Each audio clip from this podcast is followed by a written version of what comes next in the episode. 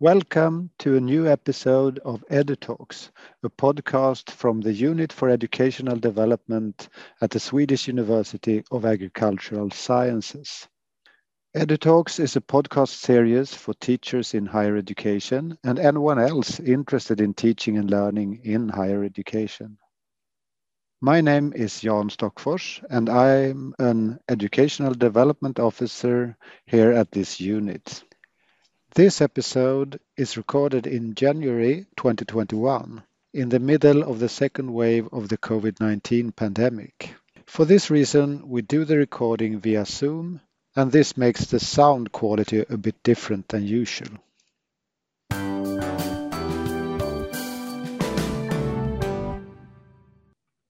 And with me today, I have two guests, Alexandra Durso and Linn Areskog. Both are colleagues to me here at the Educational Development Unit. Welcome as guests in our own podcast, Linn and Alexandra. Thank you. Thank you, Janne.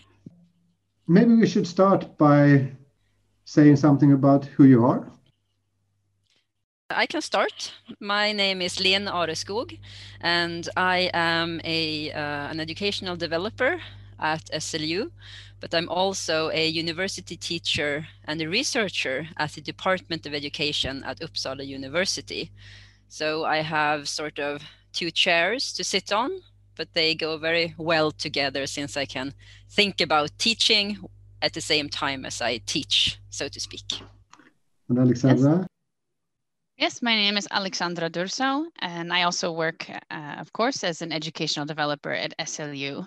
And in a previous lifetime, and also on the side, outside of work when possible, I try to keep up a little bit of research uh, in my field of uh, expertise, cur- curriculum and instruction, um, focusing mainly, mainly on learning in the public sphere. But that's a bit outside of what we do, even though there are certain kinds of interesting threads that can be followed up on from one area to the other educational development within university and learning outside of universities. Mm-hmm. Yeah, so you are both educational developers. Uh, what would you say? Maybe you could say something of your special interest when it comes to educational development. My research is in how narratives are used by teachers in their teaching and what impact narratives have on students' learning, but also on how teachers learn and how teachers design their teaching. So for me, it's very important to talk more about, but also to investigate the teaching content that teachers choose, but also what kind of narratives they build in their teaching and what kind of role it has in the students' learning uh, and in the teacher's teaching design. Mm. And what are your interests, Alexandra? There are many, but if I have to, you know, of course, we, we uh, to, to narrow it down a bit. Um, so something I think about a lot is the teaching and learning of critical thinking. Of course, Janne, you and I, we have a course about uh, teaching for critical thinking and criticality. I also think about uh, the role of teachers as intellectuals and, and how teachers open doors and, and apprentice students into learning communities without necessarily realize that they're doing so so not only are teachers teaching subject content, but they're also teaching how to be a practitioner or how to use that content in certain environments. And so that's the kind of meta awareness of how uh, teachers occupy those kind of different roles in different ways and how students interact with them. That's something that I think about really a lot in our work as educational developers. Mm-hmm. Thank you. Nice introduction. Uh, but today we're going to focus. Uh, the whole episode around student writing and a concept called writing across the curriculum. But what is this writing across the curriculum?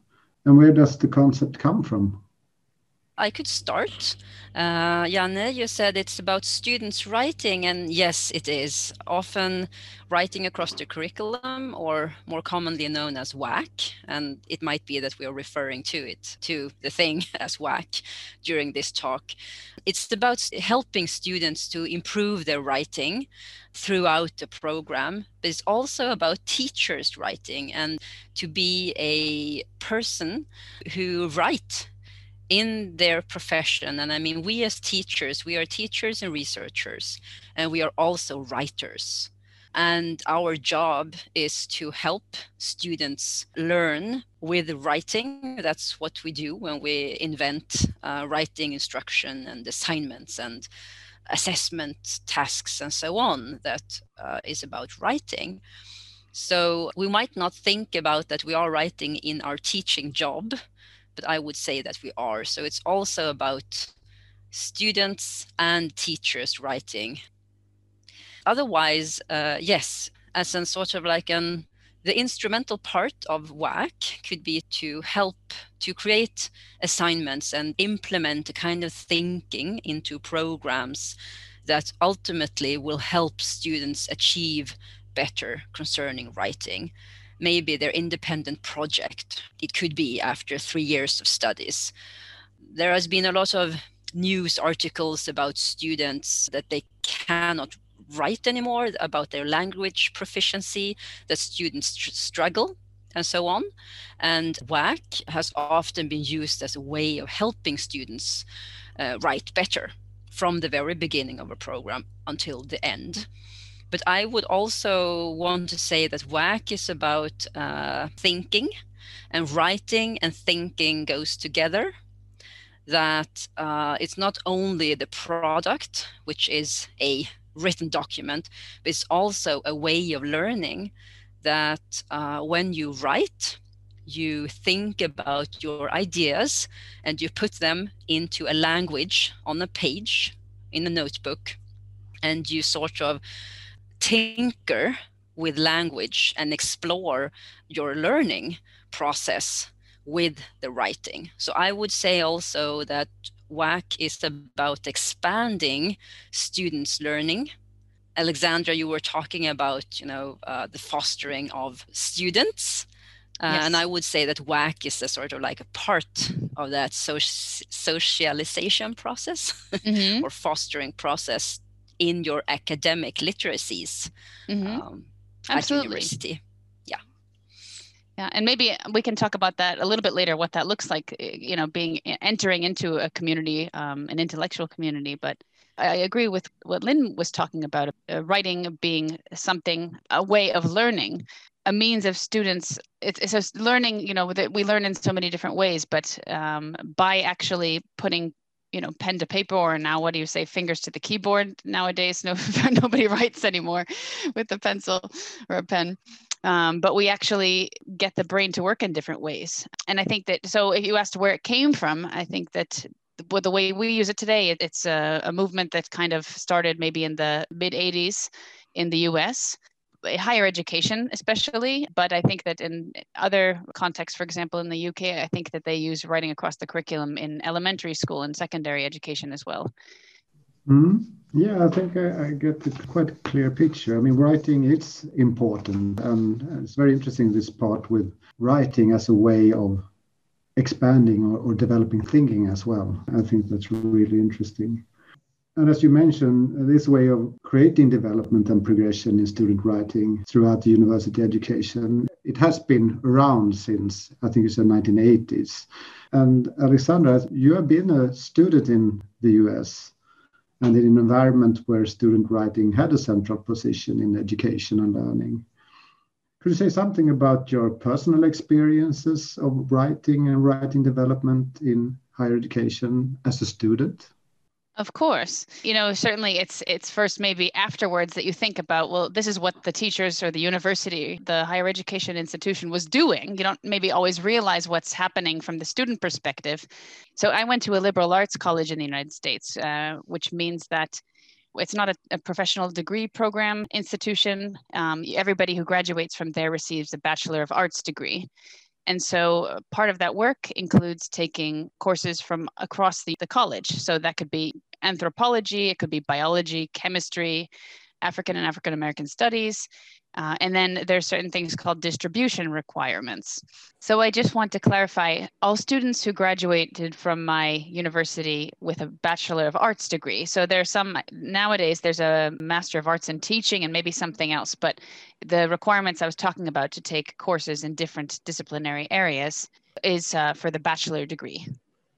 So an important part of a liberal arts education is being able to develop your means of self-expression confidently um, and writing is a central feature of expressing oneself and so as a part of that i mentioned before kind of entering the this intellectual community we had these first year seminars, which were quite small classes. I mean, liberal arts institutions sell themselves on the idea of, uh, that they do have very small classes with, with close contact uh, with faculty, kind of like SLU in many ways, uh, a low student to faculty ratio or faculty to student ratio.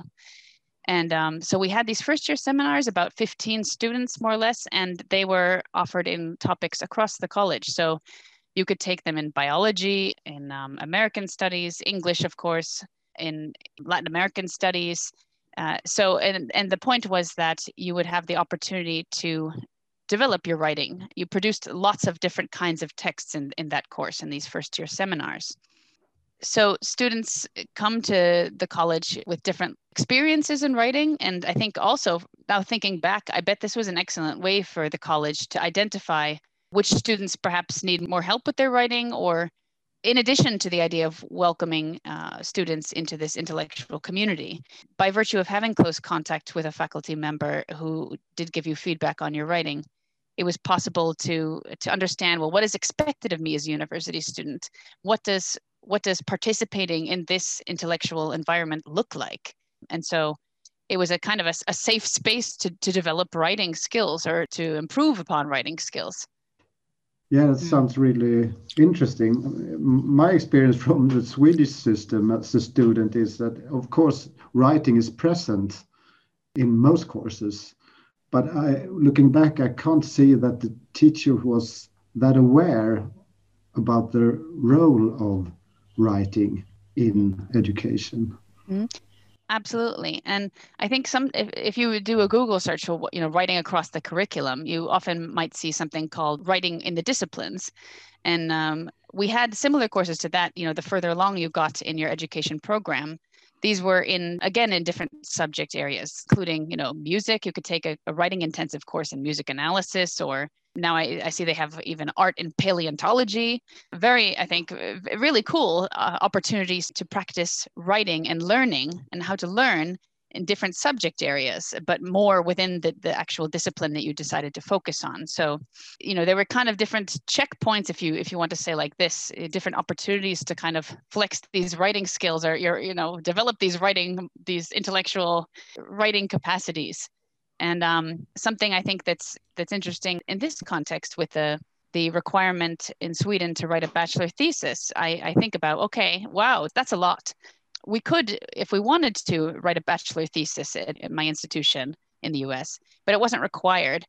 And something I think about if you're going to write a bachelor thesis, you really need a lot of preparation to do that. It's it's a totally different kind of writing and places different kinds of demands on students that they need the opportunity to train you were comparing Alexandra's experiences uh, about writing and meeting writing at the university to your career, so to speak, in the academic field in Sweden. And I agree with you that writing, I mean, I was a student in the 90s in Sweden, and we wrote a lot because I was in the humanities, but it was never talked about from a meta perspective. It was just something you did I mean, no matter if it was uh, like an essay to be handed in after a few days, or if you were in a lecture room and wrote, or even during seminars, you, you wrote a lot. I think I wrote the most during seminars because, uh, I mean, I took very thorough notes. But uh, the writing that I did, at least in the 90s at my university, it was never talked about as something that, that you could reflect on or reflect upon. So I think now in the program that we are developing at SLU, there is a focus on also talking about writing as a sort of like a, a, tool, but also a phenomena in itself that you will learn with. And I think that's definitely the nuance that is imported from the States or the North American higher education system that, you know, that metacognitive reflective way uh, of thinking about writing. It's also about professional programs So, what Alexandra, your picture that you painted here was a lot about Bildung. Yes. I don't really know what that's in mm-hmm. English, mm-hmm. but to become a very uh, sort of like a well rounded person. Do you say that? Yes, yes, absolutely. Mm-hmm. We didn't talk much about that either, at least not from my education.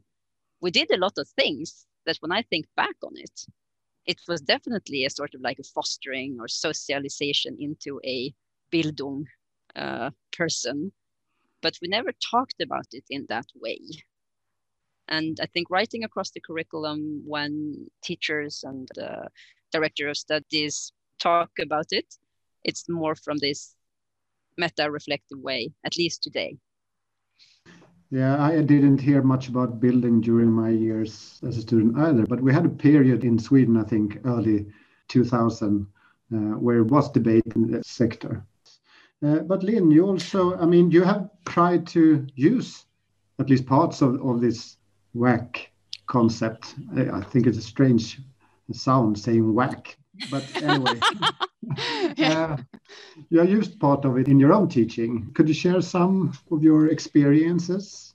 Yes, of course. Um, could I add something though about what you were saying about the early yeah, sure. uh, 21st century and our discussion about Bildung? Because from what I remember, what was debated was also what do we need education for?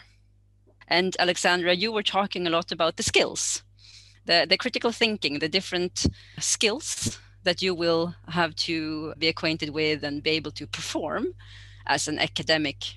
And um, the interesting thing is today that, I mean, in professional programs, the instrumental way of thinking about learning outcomes and, and skills and so on, it is paired with this more Bildung skills discussion or or Linn, is it is it a question of now these kind of Bildung these kind of well you know, well-rounded citizen who goes forth into the world and takes responsibility to solve all the world's problems? Is it more like this other competing tradition is just putting that into bullet points? Yeah, maybe. Or or making it, you know, trying to to make it kind of into short, concrete sound bite that work well to check off to make sure that you're including these in your syllabus. If I if I can be unintentionally cynical. yes. Well, what I'm thinking here also is when I see the North American uh, tradition around uh, rubrics and templates, which we don't yes. really have a lot of here in, in Sweden, but we're we're getting there more and more so to actually have, you know, sort of like checklist or rubric friendly ways of teaching. But it's also, I mean, you could be very opposed to those things because it's like a shopping, a grocery list. You go to ICA and you get your check, check, check everything. And it's very instrumental in a way, but at the same time, it's also a very good material for thinking about the thing in itself. And maybe that's where the writing part comes in because the process of writing, it takes a little bit of time and things can always be rewritten. And therefore it can also it needs to be reconsidered Janne, you were asking a question about uh, concrete examples of how I have used it. So one example is I don't know if it's really writing across the curriculum, but it's at least writing, and it uh, could touch upon several different disciplines at least. So I had a course in young adult fiction and language and literature for student teachers. And these students, they were going to teach uh, kids in elementary school in the end. And in this campus course, it's a theoretical course, they will learn a lot about, you know, uh, reading and writing with small kids and how they can help small kids learn how to read and write and so on. So it's, it's only on campus. Um, and I wanted them to practice writing with children. So I put together student teachers and children in a class. I worked together with their classroom teacher and they created stories together they shared uh, stories and it was like a pen pal project almost with stories and texts and artifacts going from university to the classroom and being sent back and so on. So it was very authentic and i think if you work with writing it needs to be authentic. Your text needs to be read by a real person uh, that it's very relevant to and then that real person's sort of existence or the fact that this is a real person that makes it super relevant to you to do your best so that was one way of actually making it very authentic and i wanted my students to struggle with language but also walk the talk so to speak and to really think about okay how do I choose this plot? What will happen next? And if I choose this protagonist, how uh, do I need to dress them out to so that it will be a protagonist and so on? I mean, really struggle with the genre and to actually put that into writing that was going to be read by someone. Mm-hmm. Linn, your example makes me think of something that is you know we're not sitting here we're not WAC salespeople saying this is you know this is something that everybody should do but if i want to kind of give a, a frame for this work doing this kind of work in sweden the fact that it, that students do have to spend so much time in a WAC oriented program really struggling and succeeding and getting feedback on different ways of communicating their subject area then they quite easily have the possibility to train the idea of this third mission that even shows up in the undergraduate program degree goals in Sweden. So that being that students are required to, they should be able to communicate their knowledge of their subject area to a broad group of people who are not specialists.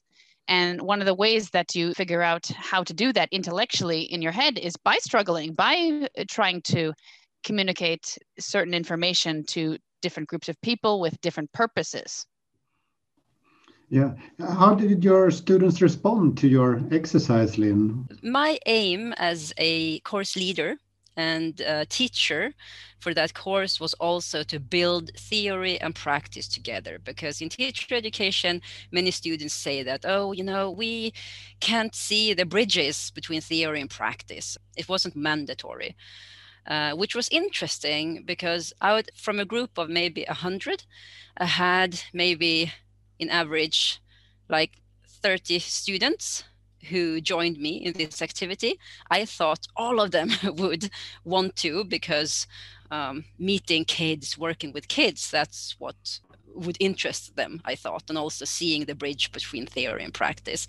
But the thing is that uh, I think many thought that, you know, it's not mandatory. I don't get the credits for it. I will not do it. I just want to pass my exams and so on. So you will, it's interesting because you will see that element of carrot and, and whip, uh, that expression.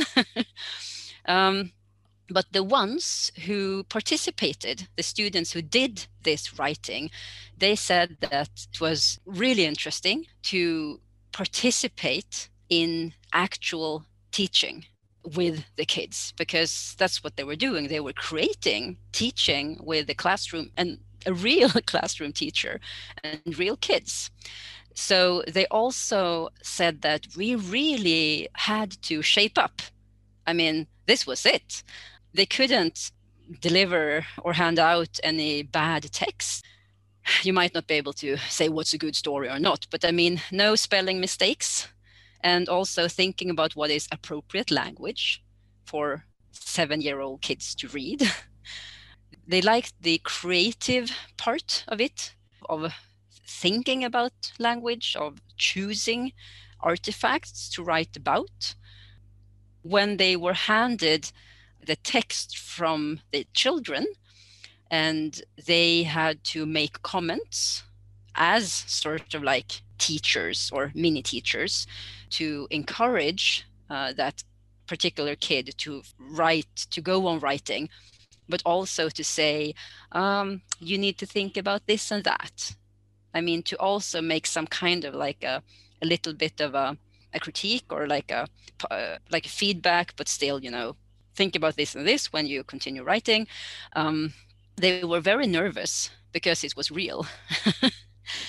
and also, they said that we really appreciated that real persons were going to read our writing.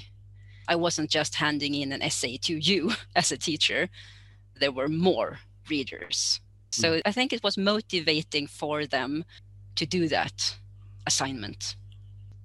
Yes, you know, and I have a kind of I don't know if this is a rhetorical question to just throw out here. The idea of, you know, students' responses. I think that's so interesting. Then that you know the students who signed up for a program where they're going to someday be working with children didn't all jump at the chance to, to do something like that. And I, you know, we don't have to have an answer to this question. And I'm not trying to be a proponent of either this liberal arts or this Bologna outcomes based learning, but it could it be that one of the challenge of this outcome based learning is that we that students aren't maybe necessarily taught from day one that they are the future, that they are the future leaders, that they have a, responsibility to society, they have responsibility to themselves as individuals, but all you know, but mainly also to go forth in the world as agents of change. And I don't know how much of that is just a classic, you know, American bombastic language, you know, or, you know, whether it's particular to my institution of higher education, which also did have, has its own particular story about empowering women in the world,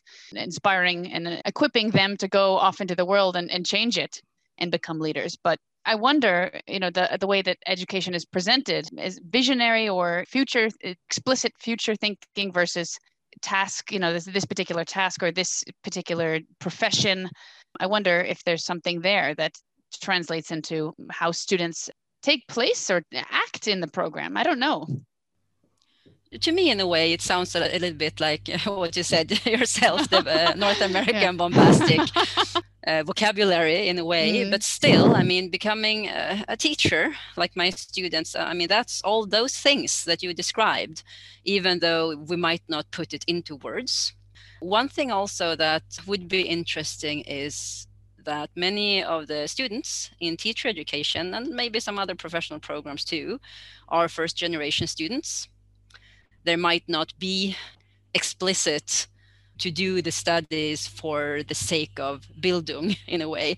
It might be more like uh, I want to get a good job and a job that I, I like, that I'm happy with, that I can build a life around. So maybe also that's why we don't hear that explicit bombastic vocabulary around it. Mm-hmm but i'm sure uh, that in the end student teachers teachers and teachers feel that too I think something general you can take from your exercise here when, when you say that, I mean, they have a real audience for what they write. Someone is actually going to read it as a text. I mean, here we have a problem, I think, with this learning outcome based education that students write to meet the learning outcomes and the teacher who is going to judge whether they live up to the learning outcomes or not. But writing for an audience that is reading it for pur- another purpose, I think that changes the way you have to think about your writing. It's really interesting. Didn't you do something also as an educational developer uh, when it comes to this? Yes, um, I did. I did have a, a, writing institute. I called it a writing camp, but then I heard that uh, camps are for kids. So this was for adults, for university teachers. Um, so I had a writing institute. I, I, learned that that's what you name it if it's adults.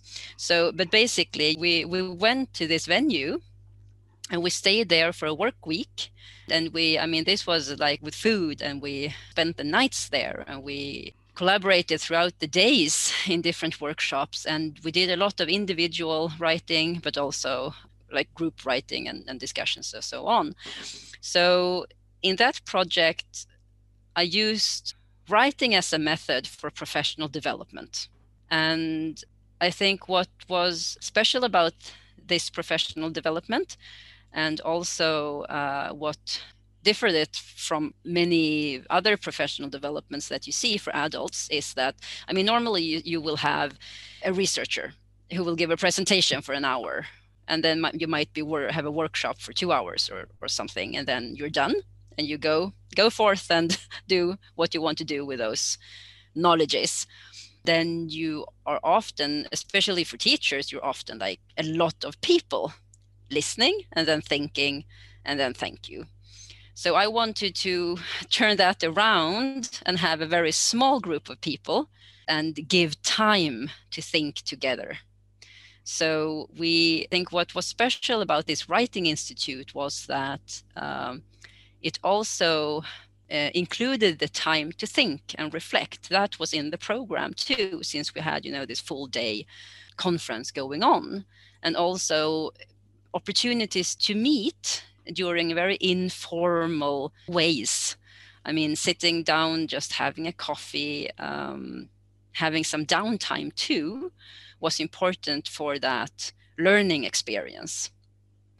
And then also many of the sort of like reflection assignments that you often have in professional development, in service training courses that was not only sit and reflect and then discuss, it was sit, write your thoughts, put your thoughts into writing.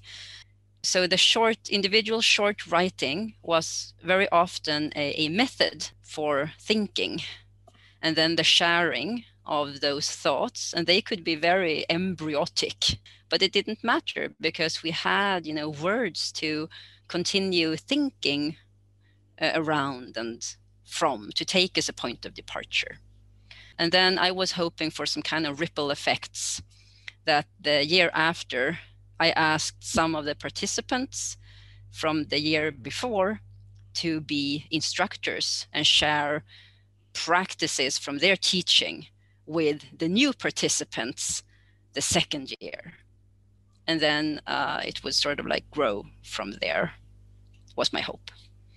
Linn, if I just make an observation about about what you were saying, Linn, and something that I think really underscores the success of maybe writing across the curriculum eh, or any kind of intended process of developing students writing over time through a degree program is that it's really a community effort, isn't it? it it's not something that you know, it's a community effort that take, takes time and requires everybody to kind of be on board and see to it that you know we help each other. It's, it's not something that we can just tick up a box off and say okay the students have mastered this or even we ourselves as teachers have mastered this. We're, we're ongoing students really ourselves in this process but that's you know and, and i guess that can be exciting but maybe intimidating for some as well. And this is something that I uh, really thought about when you were talking uh, earlier, Alexandra, that communities, I mean, the word community, the way that I've seen how it unfolds in the North American sort of like education, both in school and in higher education, I haven't really met that concept in Sweden to have a community of teachers because very often teachers are uh, quite isolated. You have your classroom, you have your course, and that's your responsibilities and it's your expertise that is also feeding into that course that's one thing that I learned from my many travels to North America was the importance of, of having a community. Mm-hmm. And now you um, you know you've cleared up Linn, and just by saying that you've cleared up a kind of mystery uh, as to why people say when I describe my undergraduate learning experience, that some people have said in Sweden it sounds like a sect. you know this that this idea of this community, this learning community, is maybe not something that translates so well in the Swedish context. Now I, I think I understand well, you know, it's uh, it's also I think what's good about academic communities, no matter if it's in primary school or at universities, is that I mean we have our critical thinking, we have uh, sort of like that proximity and distance at the same time, which doesn't make it into a sect. it's built around exploration of something that we're not really familiar with. I mean, all people who are in some kind of education if you're a researcher or if you're a small kid in school we want to explore so I think that kind of community is very positive if you compare it to sectorism. Yeah, yeah and I, I, think you said the key word there Exp- openness and uh, exploring things. That yes. is the opposite of sects. So, something we talked about a bit to summarize was just different understandings of what the term community can mean, whether it's an academic community, whether it's community of students, the different, maybe, you know, we were discussing different cultural understandings of what a community can be or an academic community can be, and what it means to participate in those. So I guess the idea of, you know, I was joking about the idea of having a, a sect-like experience at the undergraduate level. I think it maybe refers to what we were getting at, these different understandings of what community can be. I don't think anyone would argue that any of these communities we've discussed do not have the goal of being open. I think what we have in common with these different cultural understandings of community is the idea of openness.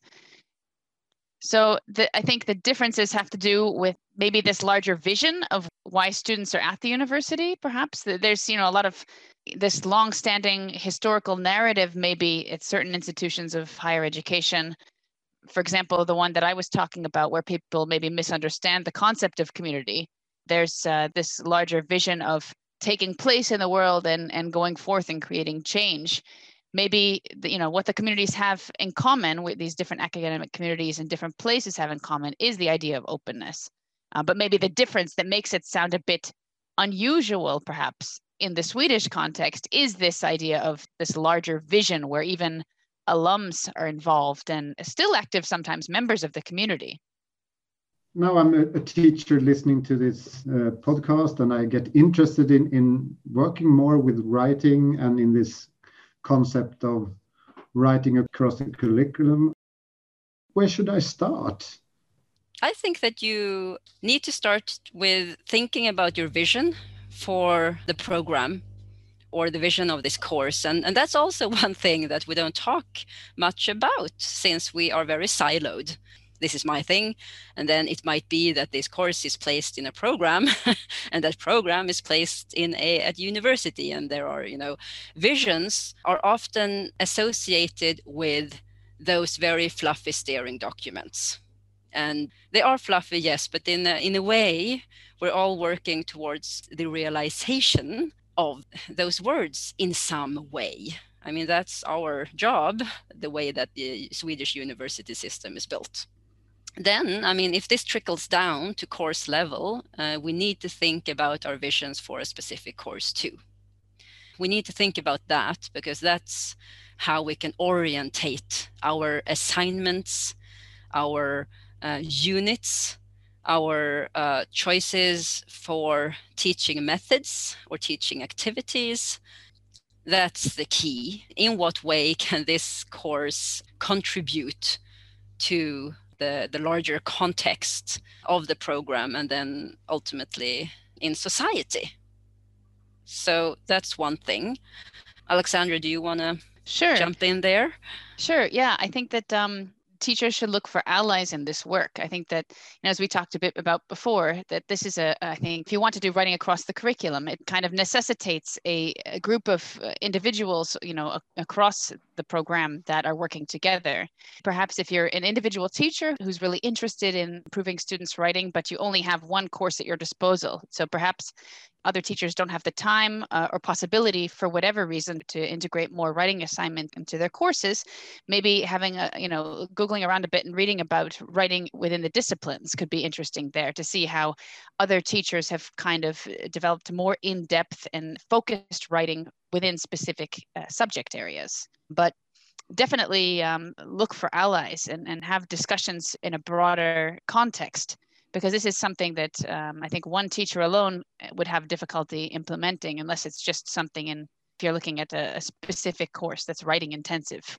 Alexandra, you said before disciplinary literacies, right? You yes. were talking mm-hmm. about what is a literacy uh, that is particular for a specific uh, discipline. So you need to understand and map map out that literacy too but then, of course, think about I mean, if you are several disciplines working together in a program, you need also to think about how can our different ways of writing and expectations on writing how will they in turn feed into the more generic competencies of writing within the umbrella of academic literacy?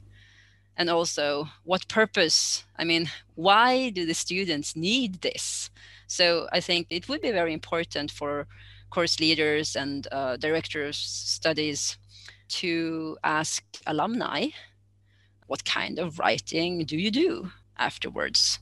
If we're thinking about developing the vision there, I think that the vision, you know, if you look at universities' different missions or mission statements, what their their goals are for how they intend for the university, but also graduates to take place in the world and in society.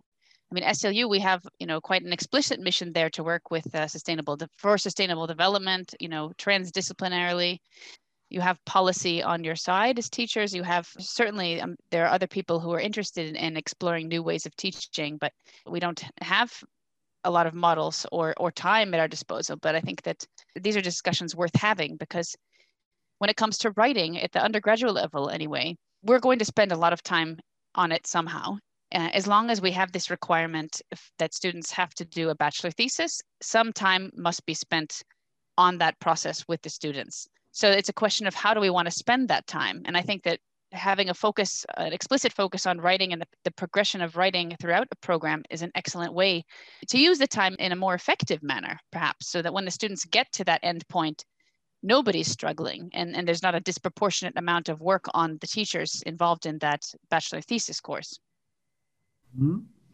The two of you, you are working to spread these type of ideas on SLU and you're arranging a one-day startup conference on WAC for one of our educational programs. Can you tell us something about that, this workshop? How will it be structured and what do you do during this one day that it's about? Well, yes, it's less top down, it's more bottom up, I would say, because it's within the Dublin project. And then there is a bachelor program in English, and they approached us about this. So it's actually bottomed up. And they had this idea, of course, it was the concern about the independent project that you were talking about, Alexandra, uh, because they have experiences. I mean, this is a completely new program, but the people working there are experienced university teachers in their fields, and they have experiences that many students struggle when they come to the independent project because they are a little bit uh, familiar to academic writing. And they wanted to have a program within the bachelor program that helped the students to develop and improve their writing skills and then to to sort of like not struggle so much in the end so you have you know the years the three years vertically, and then you have horizontal processes that cuts through all the three years, uh, which ties the program together. Uh, and one of those processes is WAC.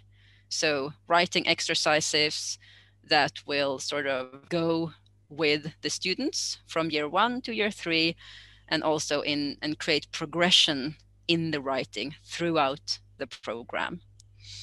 So you can work with this in many different ways. I mean, when you work with the teachers in the program, you, you can have different workshops and uh, and so on. But the, the ones in this program, they were attracted to the idea of a writing institute to actually go somewhere with colleagues to spend time to write to, to explore writing as a phenomena together to talk about what kind of genres do we need in the program? What kind of genres of writing are we familiar with? Are there new ones that can make the teaching more authentic? How can we as university teachers develop through writing so that was the uh, sort of conference that was planned but then the current the present situation with the pandemic hit so we had to sort of like have online full day workshops to introduce this concept of WAC and then also to to talk about the overall structure of the program, but also to find some time to to write a little bit and give some feedback together. Yeah, I think that that very aspect, Linn, that you mentioned, the idea of having time to reflect and time to write oneself as a teacher in the preparation of the materials to be used uh, in these courses in the program is not lost. I mean, it maybe sounds fluffy or you know, or maybe just different. It's it's quite foreign, perhaps, to not only talk about teaching with other people, but then actually to spend time developing materials with other people and kind of being in this one place where you're totally dedicated to the process. You know, that maybe uh, many unintentionally or un um, uh, unconsciously think of as something that should develop organically throughout a university education.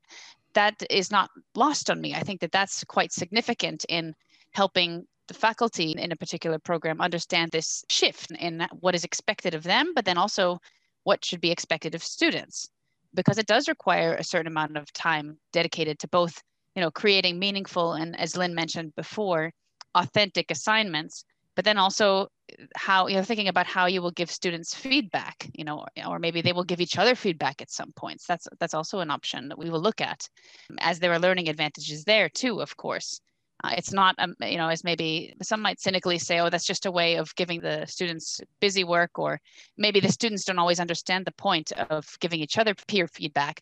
But then certainly it's something that we need to motivate for them as teachers. You know, why are we doing this? What is the ultimate goal that's not obvious to you, which is why we're asking you to do this? I'm sure there are plenty of people who have described this. Uh, you know, I know there are people who have described this much more eloquently. But if we want to kind of have a quick and digestible definition of the idea of a feedback community. I think that it's the this idea that there's an openness that both seek and and voluntarily give uh, feedback to each other in order with the idea that we're we're all on each other's uh, metaphorical teams that we're we're rooting for mutual development. Maybe one way that that is actualized in practice is, is through the use of critical friends for example. We often talk about critical friends and their role in providing you know open constructive feedback to each other. You know whether you're for example observing another teacher's teaching and then that teacher is is looking for certain feedback on their teaching. You know we, we all have our own blind spots you could say or, or things that we don't perceive ourselves um, and so the idea of this feedback community we, we kind of help each other fill in these gaps to get to a better place intellectually hmm. yeah that feeds back to what we sometimes talk about in our courses the need for teachers to work more together and help each other to develop in different ways. Yes. Yeah. Mm. Uh, but when when teachers leave uh, this workshop, what in your vision, what is the most important things they bring with them back to their departments? I would want to say one thing that is important is the experience itself of the writing and of giving and receiving feedback on writing. So that's one very important thing. Also, to have some kind of, I mean, it wouldn't be finished assignments because that takes time. You have to tweak how you write your assignments and so on and, and your writing instruction.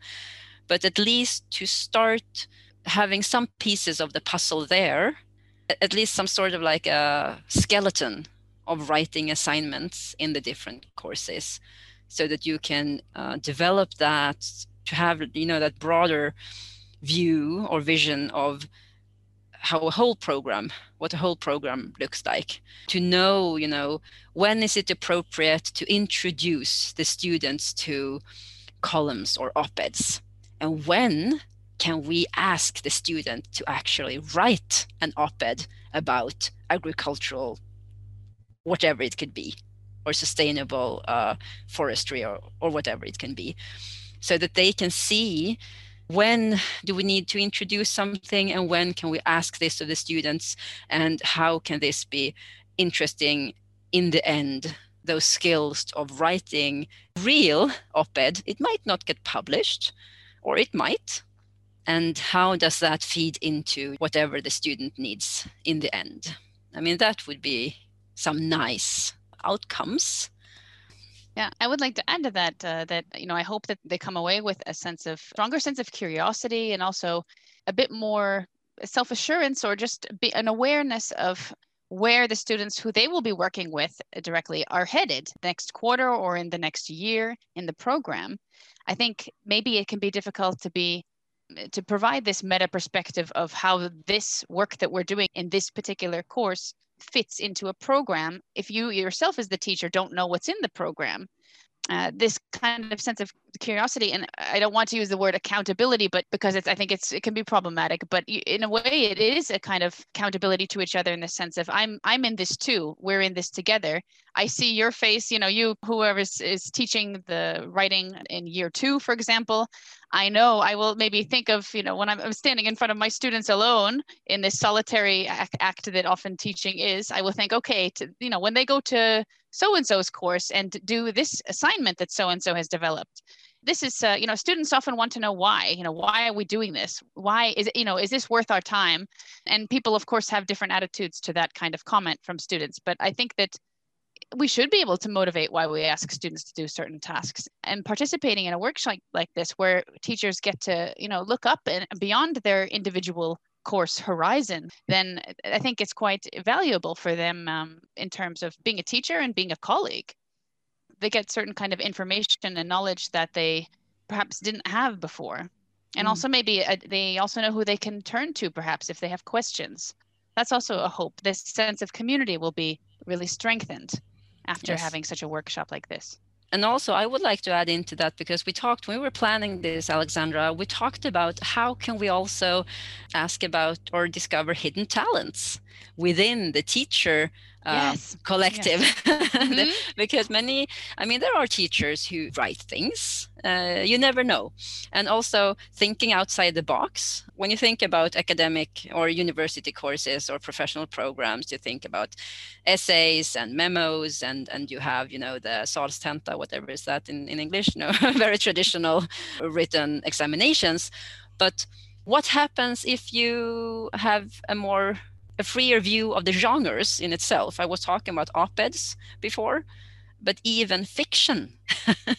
I mean, what would happen if you actually write a short story that connects to ethical issues in sustainable development themes or whatever? We also wanted to see if there were specific hidden talents within the teacher community of this particular program and also how could those talents or interests uh, enrich the program to think outside the box too. Great. I think we are when i look at the clock uh, time is running when you have fun. Getting close to the end of this episode of EduTalks is there any closing comments that you would like to add before we turn off the microphones for today I think that something I, I, hope people can walk away with is that if you have an idea for program or course development, even if it may seem so different from what you're already doing, take a chance and, and talk to a colleague because chances are there might be other people who are thinking the same thing that you're thinking. Uh, you know, they would like to make some kind of big change in the way that teaching is done or that the way uh, writing is taught. And you know everybody's thinking in their own individual bubbles but we can do a lot when we talk to each other more about this and it, it requires, of course, a certain kind of vulnerability in, in saying, I'm thinking about this, I, I have this maybe half finished idea. But isn't that why we're here in, in higher education? To test new ways of doing things and, and try new ways of collaborating. So I really hope that uh, no matter what your ideas are for program or course development, that you will you will take a chance and, and share them with somebody else who maybe can help you or get further along with that idea, or maybe it can turn into something like this, a, a program overarching effort. Mm. And also, I mean, it sounds very big to create a program within a program and so on, but uh, focus on writing could also be done smaller. I mean, it's it, it's pretty concrete to just take out uh, the writing instructions to take a look at them spend you know one of the teacher planning days to just take a look at the actual writing instruction how do they go together? I mean, how can we find the progression and so on? So it's a very uh, hands-on way to develop your course. Hmm. Wonderful. Well, to me, this writing across the curriculum seems really interesting, a very important concept, I would say, and I hope many people would start looking at it. And I hope that we will be maybe doing another episode uh, on this topic later on. But for now, thank you very much, Alexandra and Linn, for sharing your experiences and your work and, and the knowledge about this WAC concept. Thank you, Janne. Thanks for having us. Many thanks, Janne, for having us here. It was a very nice conversation. And thank you, listeners, for listening to this episode of EduTalks from the Educational Development Unit at Swedish University of Agricultural Sciences.